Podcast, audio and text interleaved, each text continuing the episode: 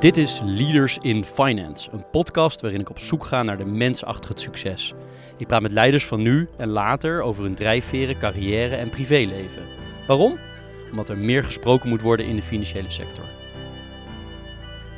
Leaders in Finance wordt mede mogelijk gemaakt door Interim Valley, FG Lawyers en Biscuit.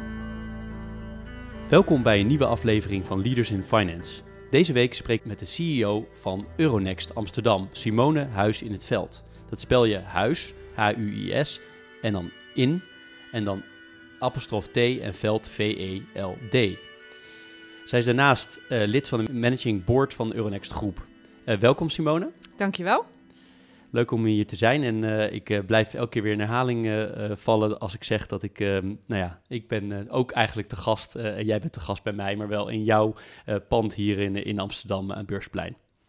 Um, even kort iets over jou ter, ter introductie. voordat Simone in oktober 2019 bij Euronext begon, heeft zij circa 20 jaar ervaring opgedaan in de bankaire sector bij onder andere Rabobank en ABN AMRO. In haar laatste functie was zij Chief Operating Officer COO bij Deutsche Bank Nederland. Op het moment is zij daarnaast lid van de Raad van Commissarissen van IBEPS, bestuurslid van VNO-NCW en neemt ze deel aan een AFM-adviespanel. En ze is boardmember van Enternext. Simone studeerde facilitair management en sociologie en deed allerlei internationale executive management opleidingen tijdens haar carrière. Dan nog even iets over Euronext. Euronext Groep heeft zetels in Amsterdam, Brussel, Dublin, Lissabon, Londen, Oslo en Parijs. Er zijn circa 1500 geliste bedrijven en die hadden een gezamenlijke market cap van, hou je vast, 5000 miljard. En Euronext Groep had in 2019 bijna 700 miljoen omzet met 200 miljoen netto winst. In Nederland zijn circa 125 bedrijven beursgenoteerd. Uh, wat ik eigenlijk als eerste wilde, wilde vragen aan jou is, um, je hebt in de bankaire sector gewerkt, uh, niet per se enorm op de voorgrond. Dat is nu veel meer het geval. Hoe vind je dat, zo'n enorme verandering? Leuk, uitdagend. Uh, was ook op zoek naar weer uh, een nieuwe uitdaging. Uh, dat is denk ik ook wel de rode draad in mijn carrière, dat ik altijd weer uitkijk naar nieuwe uitdagingen. en toen dit voorbij kwam en op mijn pad kwam, leek mij dat een hele mooie volgende stap. En dat is ook zo gebleken na zo'n negen maanden. En heb je daarvoor dan expres dat niet gedaan? Het was ook de situatie bij Deutsche Bank, uh, waar we uh, met elkaar hadden afgesproken dat we niet actief in Nederland de media zouden opzoeken. Uh, en dat is bij Euronext een hele andere rol. De, de, beurs heeft een hele andere rol in de maatschappij in Nederland. En, en doen we dat juist wel. En als je kijkt naar de, ik noemde net alle plaatsen op waar, waar jullie je bevinden. Um, hoe is dan de verhouding tussen de groep en jouw rol hier? En we hebben een federaal model, zoals we dat noemen. En dat betekent dat de CEO's van de landen in de raad van bestuur zitten van de groep. Uh, en dat betekent dus dat we allemaal vertegenwoordigd zijn in het uh, bestuur van de groep. Uh, en op die manier de hele groep aansturen, wat meer is dan die zeven beurzen in de landen die jij noemde. er valt veel meer onder Euronext. Hè. Dit, dit, is de, de, de beurzen, maar we zijn in de hele keten op de kapitaalmarkt actief. En dat valt allemaal onder de groep. En de CEO's van de landen beslissen dus mee over de strategie van de groep. En is dan ook een apart bureau, neem ik aan, wat de groep bes, bes, of ja, bedient ja. en aparte bureaus lokaal? Moet ik dat zo zien of werkt iedereen mee aan het groepsbelang? Ja, als je kijkt naar Amsterdam, daar hebben we zo'n 120 medewerkers. Het gros daarvan werkt voor de groep uh, en niet specifiek voor Amsterdam. En als je kijkt naar de beurzen, zijn dat niet zeven losstaande beurzen, maar dat is op één platform. Het platform heet Optiek. Uh, en het is één liquidity market. Dus het is eigenlijk één grote beurs. Dat is wel uh, een mooi bruggetje naar wat ik wilde vragen over de mensen die bij jou werken, bij jou, maar hier in Amsterdam.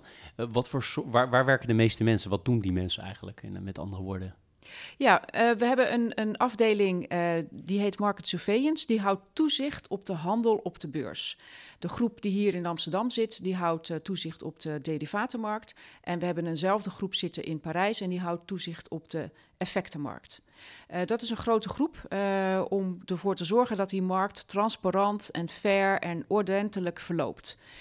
Uh, dat is een afdeling. Dan hebben we natuurlijk de afdeling listing, de, de afdeling noteringen. Uh, die gaat over de beursgenoteerde bedrijven. Uh, dat kan de, de, dus aandelenuitgifte zijn, maar ook obligaties. En dan hebben we allerlei ondersteunende afdelingen. En er is natuurlijk, denk ik, weinig in de financiële sector dat zo onder toezicht staat. Waar het zo ontzettend spannend is, waarbij een seconde, om, hè, een seconde kan heel veel geld betekenen. Um, hoe, hoe is zo'n relatie met zo'n toezichthouder? Hoe moet ik me dat voorstellen? In principe hebben we hetzelfde belang. En dat is dat we een gereguleerde, transparante kapitaalmarkt willen hebben in Nederland. Dus op die manier hebben we ook veel contact met elkaar. Uh, en bespreken we ook met elkaar wat speelt er. Als je ook kijkt naar de afgelopen maanden, hè, de COVID-crisis, waarbij de markten zeer volatiel waren en de handelsvolume twee tot drie keer zo hoog, dan hebben we met de toezichthouder hetzelfde belang. En dat is dat die markt ordentelijk verloopt. En als we dan dingen zien gebeuren, uh, dan hebben we korte lijntjes. Ik bel gewoon en we bespreken dingen met elkaar. Soms zijn de belangen tegengesteld, maar dat kun je ook met elkaar bespreken. Uh, maar er is wel nauw contact. En is het dan heel anders in al die verschillende landen, hoe dat georganiseerd is? Of is daar toch vooral heel veel overlap, hoe die toezichthouders daarmee omgaan? Er zitten natuurlijk wel culturele verschillen. Maar we hebben ook een overleg, dus elk land heeft overleg met zijn eigen toezichthouders. Maar we hebben ook een College of Regulators. Daar uh, zitten alle toezichthouders in uh, in de landen waarin wij actief zijn. En bijvoorbeeld volgende week hebben wij ook met de, met de Managing Board overleg met dat College of Regulators. En daar zitten alle toezichthouders in vertegenwoordigd in de landen waarin we actief zijn. Dus op die manier proberen we ook wel een, een lijn daarin te vinden. En onderwerpen die alle landen betreft ook daar te bespreken. Iets wat mij ook heel erg interesseert is dat aan de ene kant lees je in de kranten altijd enorme gevechten tussen verschillende beurzen die nieuwe beurzen willen uh, inlijven. We, willen graag de beurs van Oslo erbij hebben of een andere partij wil dat ook. Nou, dat zie je op heel veel plekken in de wereld. Aan de andere kant denk ik als uh, simpele belegger, uh, binnen Nederland is er nou weer helemaal geen concurrentie. Dus hoe, hoe, hoe moet ik dat zien? Is er, is er in deze markt eigenlijk meer concurrentie nodig of is dit prima zo? Of hoe kijk jij daarnaar? De vraag is wat je dan onder concurrentie verstaat. Is dat een andere uh, beurs? Uh, want er zijn natuurlijk ook andere vormen van het ophalen van kapitaal. We hebben de banken, we hebben private equity. Uh, dus er zijn andere vormen van kapitaal ophalen.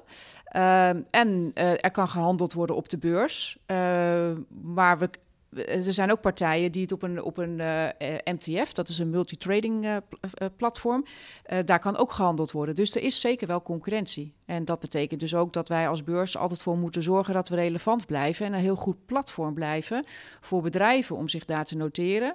En voor de handelende partijen, of dat nou de particulieren zijn of de grote investeerders, om dan te willen handelen op onze markt. Want je, je denkt uh, als uh, particuliere belegger vaak aan de hele grote namen. Nu, nu heb je natuurlijk ook de, de small cap, de mid cap. En um, uh, jij hebt ook wel in, in, in, op, op, voor, op andere plekken gezegd van... het zou ook wel interessant zijn om wat kleinere bedrijven... Hè, de, de, de top MKB of de ja. kleine corporates...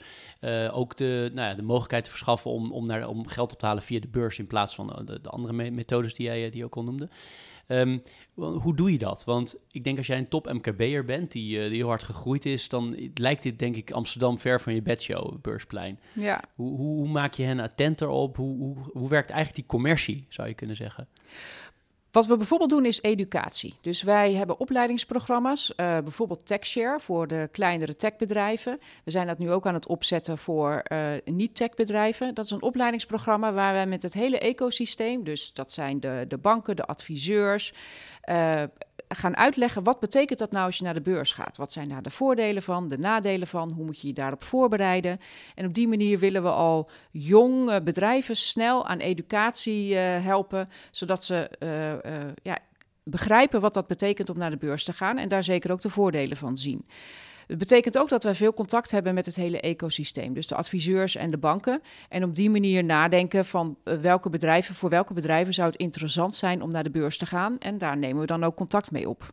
Als je kijkt naar technologie, uh, is dat, uh, jullie hebben natuurlijk een zeer geavanceerd technologisch systeem. Dat moet wel als je zo enorme hoeveelheden transacties en, en, en, en um, aantallen geld wat er door, doorheen loopt, verwerkt. Um, wat, wat, wat zijn de grote technologische veranderingen die je ziet of uitdagingen die eraan komen?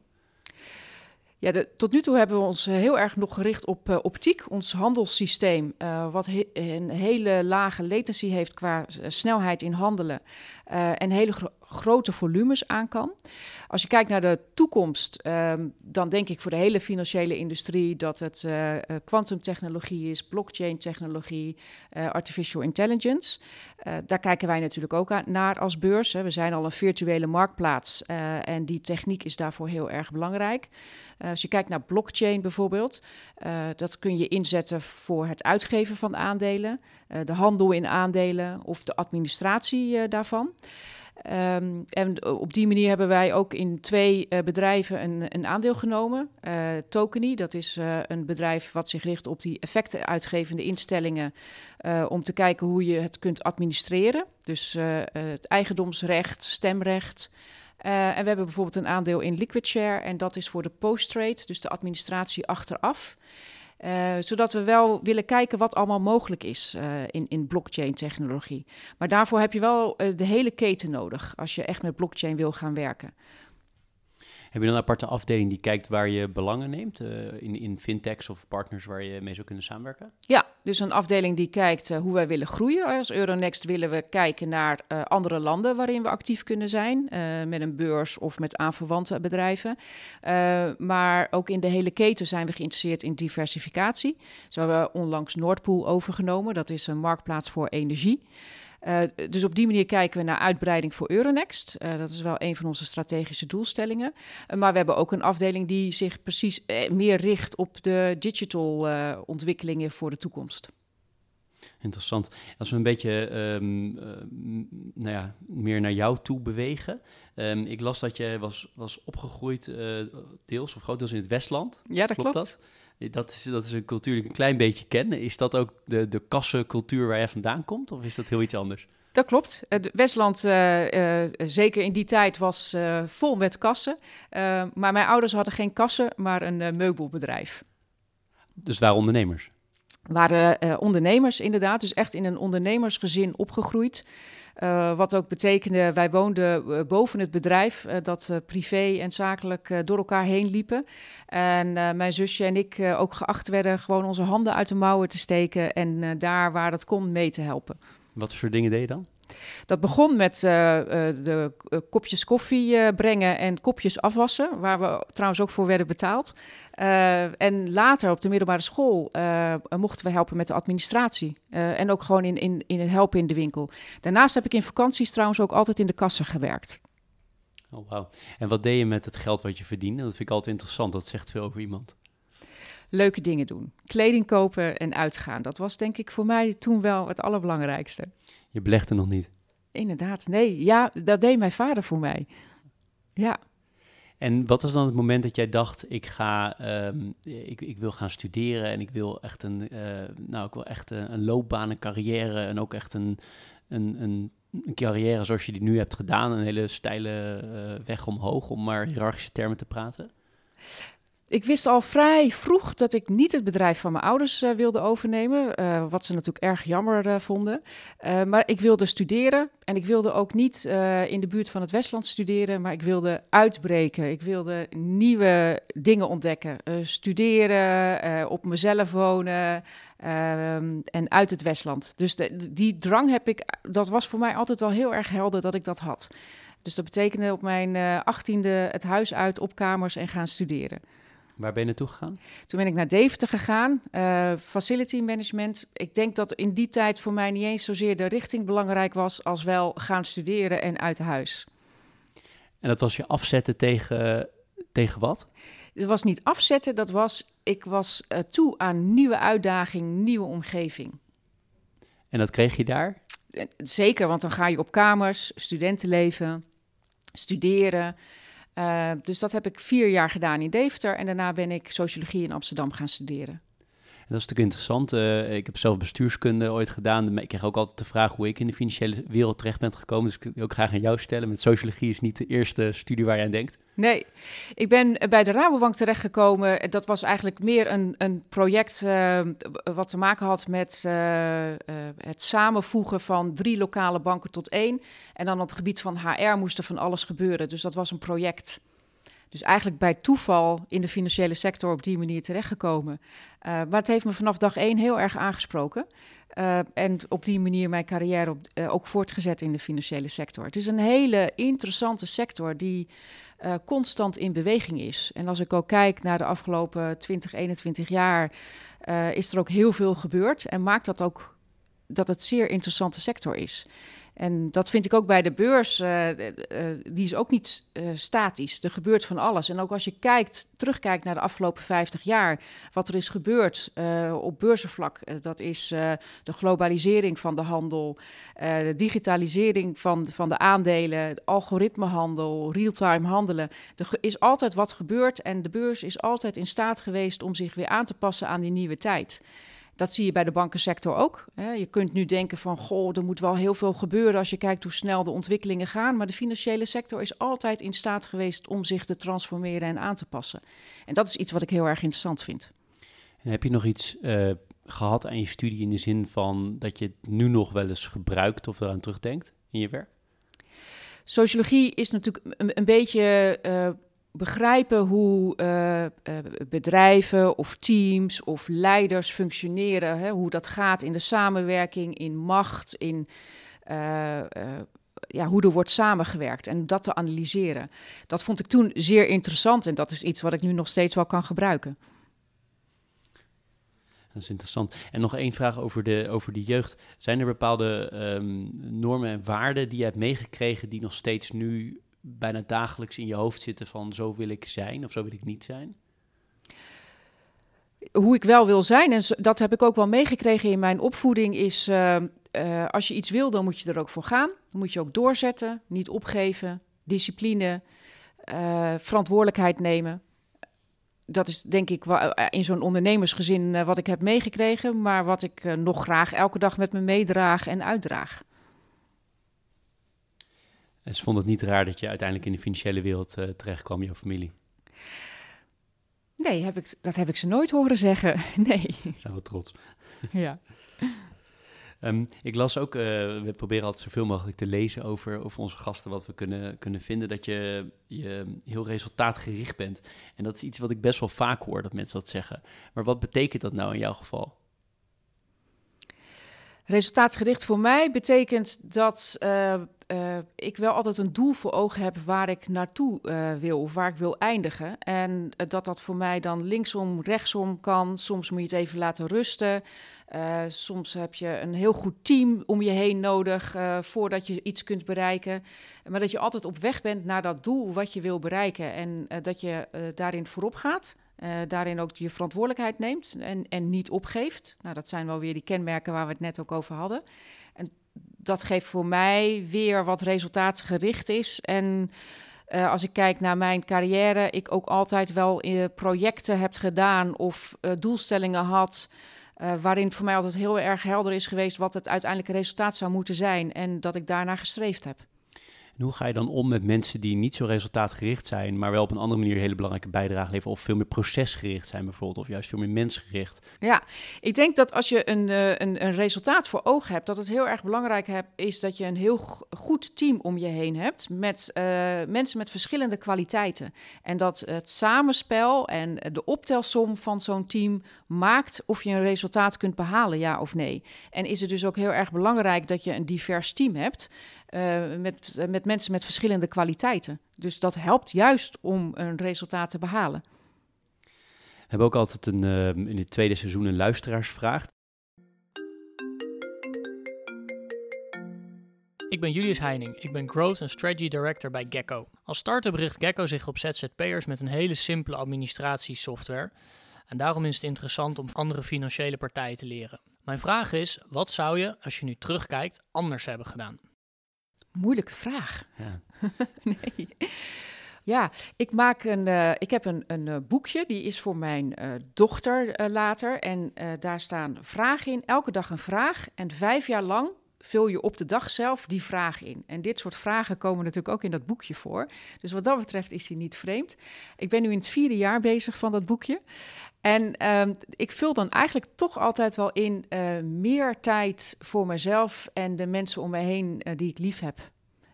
en eigenlijk al vier jaar schrijf ik dat op en denk ik, ja, maar waarom doe ik dat niet?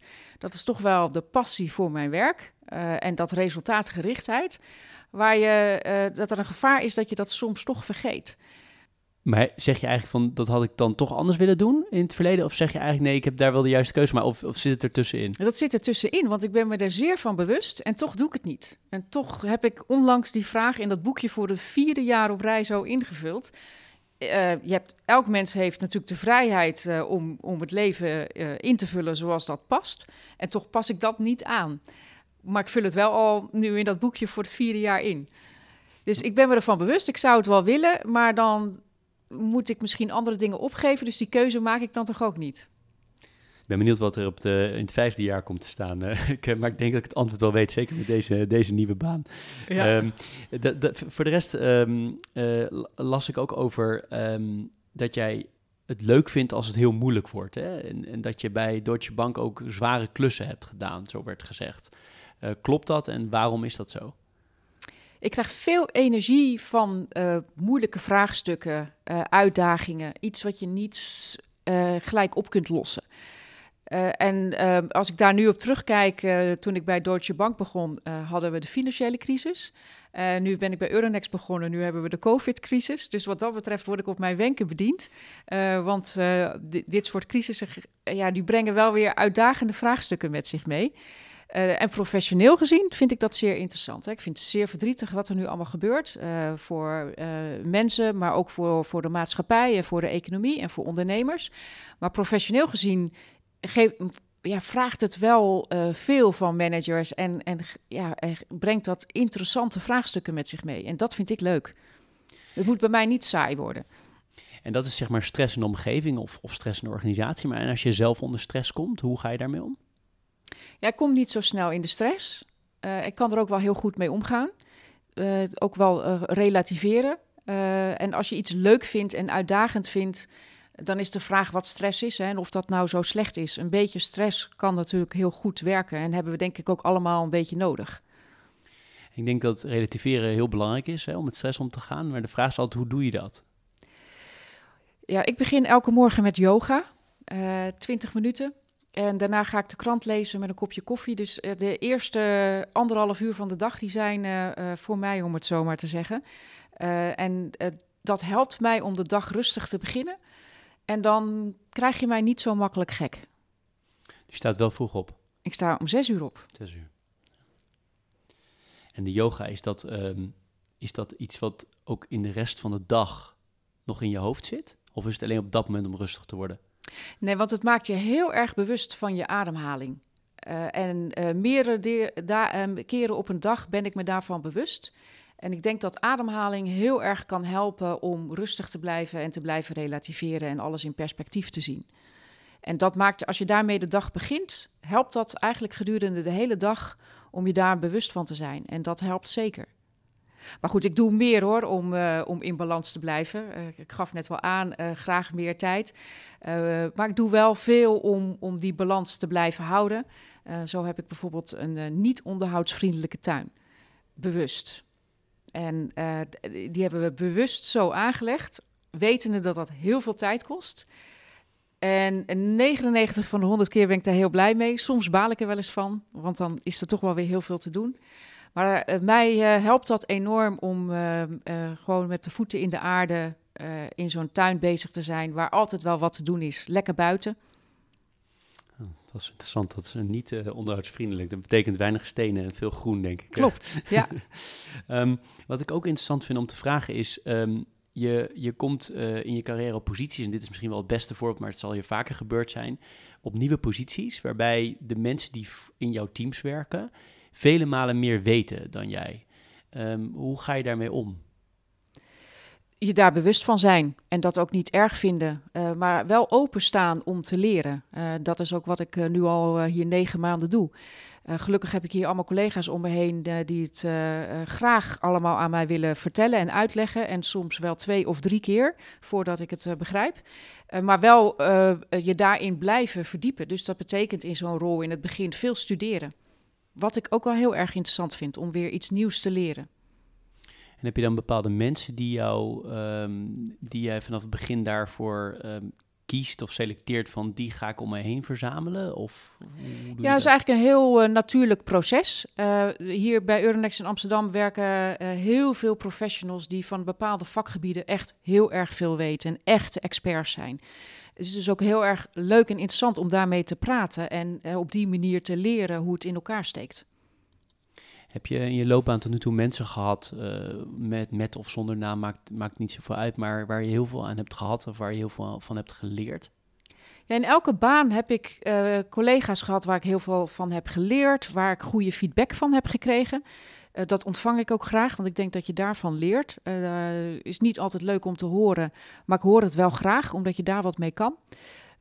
dus dat betekent ook dat je daarvoor open moet staan. Uh, maar ik heb ook in elke organisatie wel een manager gehad die mij een hele mooie kans heeft gegeven.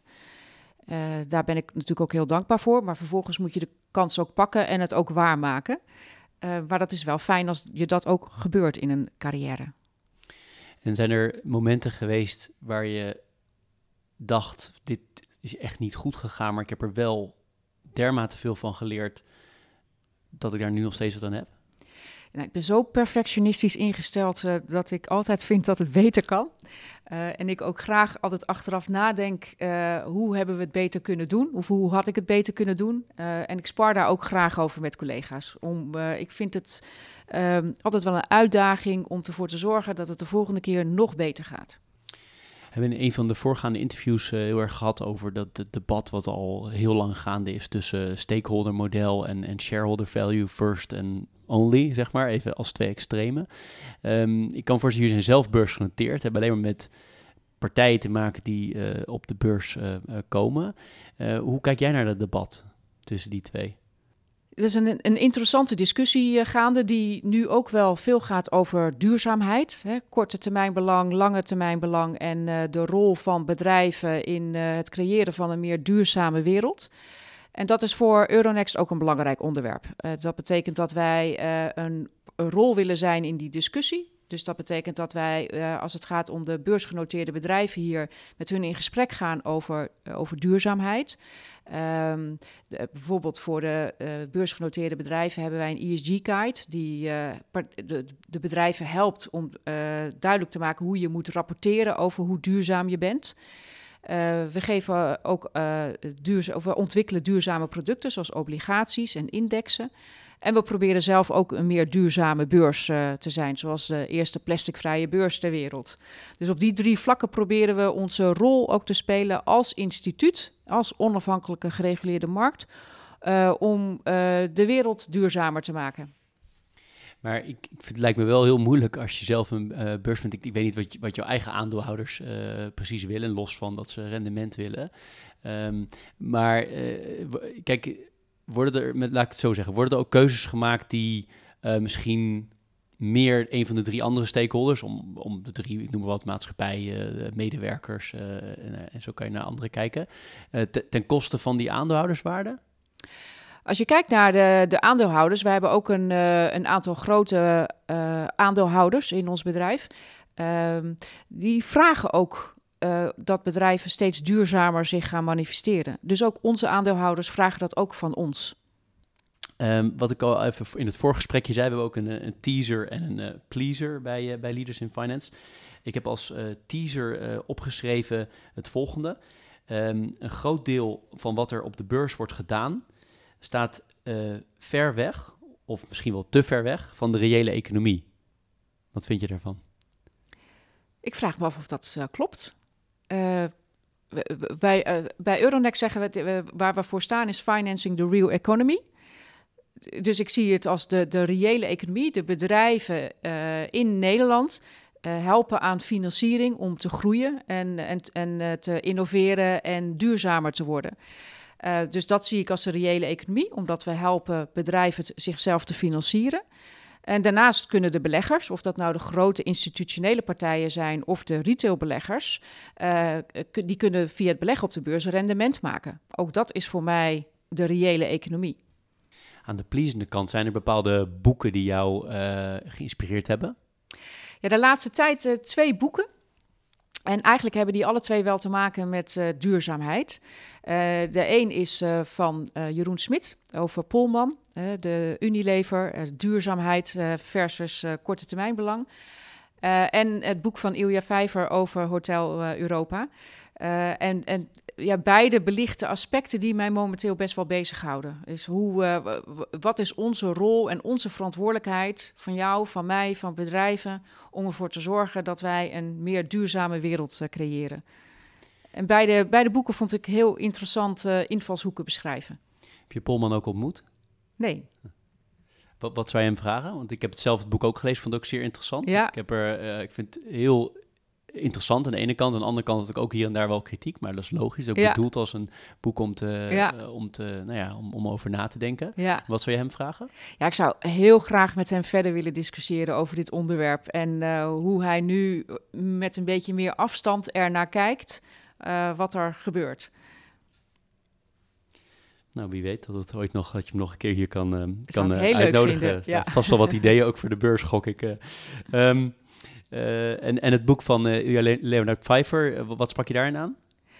Ja, zijn beschrijving van Europa, de verdisnisering van Europa, de grote aantallen bezoekers versus zijn wij nog de nieuwe wereld en zijn wij klaar wel voor de toekomst of zijn wij te veel gericht op het verleden? En, en wat doet die, uh, dat toerisme eigenlijk met, met Europa. Nou, en, en vervolgens komt de COVID-19-crisis uh, en uh, hij heeft het dan ook over Venetië bijvoorbeeld. Hè, Venetië nu bijna leeg. en de kanalen die helder water hebben. Ja, als je het boek hebt gelezen en vervolgens komt deze crisis, dat is een zeer interessante combinatie om verder over na te denken. Nou, het is ondertussen al heel vaak genoemd in deze serie, dus ik, ik moet het echt snel gaan lezen. Ik ben erg, ben erg benieuwd. Um, de vraag die ik heel vaak stel is, uh, je begint nu aan je carrière, laten we zeggen in de financiële sector, want het is toch Leaders in Finance. Um, welke tips heb jij voor mensen? Bedenk waar je naartoe wil in je carrière en uh, go for it. Uh, ga daarvoor. pak de dingen op die, op je, die kansen die je krijgt, pak ze op, maar laat het dan ook zien. zorg dat je met fijne collega's werkt. Laat andere collega's om je heen ook groeien. En neem ze daarin mee. Uh, neem je verantwoordelijkheid. Uh, communiceer ook uh, over wat je hebt bereikt. En communiceer ook over wat je ambities zijn. Ben je zelf mentor van mensen? Jazeker, ja. Waar gaan die gesprekken op hoofdlijnen over vaak? Ja, dat hangt er natuurlijk vanaf wat, wat de coachvraag is. De, dat verschilt nogal. Maar ik vind het wel heel leuk om uh, met uh, mensen die wat uh, meer in het begin van hun carrière staan, mee te denken waar ze tegenaan lopen en hoe je daarmee om zou kunnen gaan. Waarbij hoe ik dingen heb aangepakt niet altijd het, het beste gegeven is. Maar ik vind het wel heel leuk om dan mee te denken. En zie je daar een soort generatieverschil in met jou, jouw generatie tussen aanstekens en de, degene die nu beginnen? In hoe ja, de vraagstukken kunnen natuurlijk wel anders zijn. Uh, maar ik coach ook uh, wel veel jonge vrouwen. En ik denk dat het diversiteitsvraagstuk uh, van alle tijden is. En, en, dat daar niet zoveel in verschilt. En doe je specifiek jonge vrouwen? heb je daar een... Nee, dat hoeft niet hoor, maar ik vind dat wel heel leuk. Als je nu kijkt naar je loopbaan tot nu toe, is er één moment geweest waarvan je zegt, daar ben ik echt heel trots op? Dat heb ik altijd in mijn hoofd van, ik, ik, je bent heel bescheiden, dus zal je niet altijd roepen, maar van jezelf denkt dat daar ben ik echt wel heel trots op dat ik dat voor elkaar heb gekregen. Ja, nu we in een crisis uh, zitten, uh, denk ik dan weer terug aan de vorige crisis. Uh, en, en, we zitten er nu natuurlijk nog middenin, dus ik kan dan goed terugkijken en reflecteren op de vorige in 2008. En wat, we, wat, mij, wat, wat ik toen heb meegemaakt in dat hele proces met de afsplitsing van ABN AMRO en het verkoopproces aan, aan Deutsche Bank en de hele integratie uh, daar ben ik achteraf wel heel erg trots op. Uh, het heeft zoveel jaren bestreken en dan is het zaak om rug recht te houden, vol te houden, voorop te gaan, keuzes te maken, verantwoordelijkheid te nemen. Uh, ik kan er wel een boek over schrijven en achteraf gezien ben ik daar heel erg trots op. Maar we zitten nu weer in een hele specifieke situatie, dus ik ben benieuwd hoe ik op dit, deze fase over een paar jaar terugkijk. Je hebt een aantal nevenfuncties. Ehm, allemaal eh, heel interessant, maar ik wil eigenlijk vooral even vragen naar het IBABS, wat dat precies is en wat, ehm, ja, wat jouw rol daar is. IBABS is een dochterorganisatie van eh, Euronext. En wat zij eh, doen, en dat komt nu in deze crisis ook heel erg naar voren, dat is een digitale toepassing voor vergaderingen. Dus bijvoorbeeld voor directievergaderingen vind je in een, in een app alle stukken voor een vergadering. En eh, op die manier eh, kan dat heel veilig verstuurd worden. Je hebt, je hebt gewoon toegang tot de app, daar vind je alle stukken. En dat is ook de bibliotheek. Eh, het handtekeningenproces kun je op die manier vormgeven. En ook het structureren van zo'n vergadering kan via de app. Je hebt een hele intense baan. We hebben het al een beetje gehad over yoga. We hebben het al gehad over het boekje wat je voor je dochter maakt. Hoe heb jij en hoe combineer je werk en privé? Ja, dat is eh, bij, als je start aan een nieuwe baan en vervolgens komt er zo'n crisis overheen, wel een hele interessante uitdaging. Eh, ik, ik heb wel er altijd voor eh, gezorgd dat ik er voor mijn dochter op de juiste momenten er was. Maar het blijft natuurlijk wel een, een, een, een, eh, een struggle om eh, dat te combineren. Ehm, maar ja, je moet dan gewoon altijd goed nadenken. Wat is voor mij nu belangrijk en daar keuzes in maken. En dat betekent dat als je een dochter hebt, dat je daar ook keuzes voor maakt. En er op de juiste momenten wel zeker moet zijn. En hoe doe je het zelf, het runnen thuis? Nou, de tuin hebben we gehoord, maar zelf, heb je alles uitbesteed of doe je heel veel zelf? Ik heb wel veel uitbesteed. Ik ben wel een poetser. Dus ehm, ehm, wel uitbesteed, maar ik vind het ook wel fijn om te poetsen. Ik vind het wel fijn als ik thuis ben om eh, handen uit de mouwen te steken. Eh, dus eh, poetsen en in de tuin vreubelen noem ik dat. Vreubelen, mooi, mooi. Nou, dan ben je toch, toch best actief als je en binnen en buiten doet. Ehm, eh, ehm, eh, en het, het mentaal en fysiek fit blijven. Yoga, nog andere dingen wat jij doet om fit te blijven? Ja, dat is doen waar je eh, energie van krijgt. Dat zijn de dingen die ik al eerder heb genoemd. Maar dat, voor mij is dat ook lezen. Daar kom ik echt van tot rust. Eh, kranten, tijdschriften, boeken, maakt me eigenlijk niet zoveel uit. Eh, maar daar kom ik erg van tot rust. Tot slot, eh, ehm, mag jij zelf handelen in aandelen als baas van Euronext? Ben je helemaal uitgesloten van ik alles? ben eh, helemaal uitgesloten. Dus eh, hoe, hoe zorg je dan dat je je eigen eh, vermogen wel laat renderen als je niet mag handelen? Ja, dat moet je dan uitbesteden. Dan mag, dat mag wel helemaal Ja. uitbesteed. Ja. En daar heb je helemaal niks meer over te zeggen. Daar Dus. heb ik er niets over te zeggen. Wat en saai. dat is, eh, dat is maar goed ook. Dat lijkt mij een, heel verstandig om dat zo goed te scheiden. Helemaal, helemaal mee eens. Dan heel erg bedankt voor je, voor je openheid. Heel leuk gesprek. En leuk om, om meer te leren over jou en over, over Euronext. Dus veel dank. Graag gedaan. Hartstikke leuk. Dit was Leaders in Finance. Elke week weer een nieuwe aflevering. Elke week weer een mens achter het succes. Ik vind het belangrijk om te zeggen, deze podcast zou er niet zijn zonder onze partners Interim Valley, FG Lawyers en Biscuit.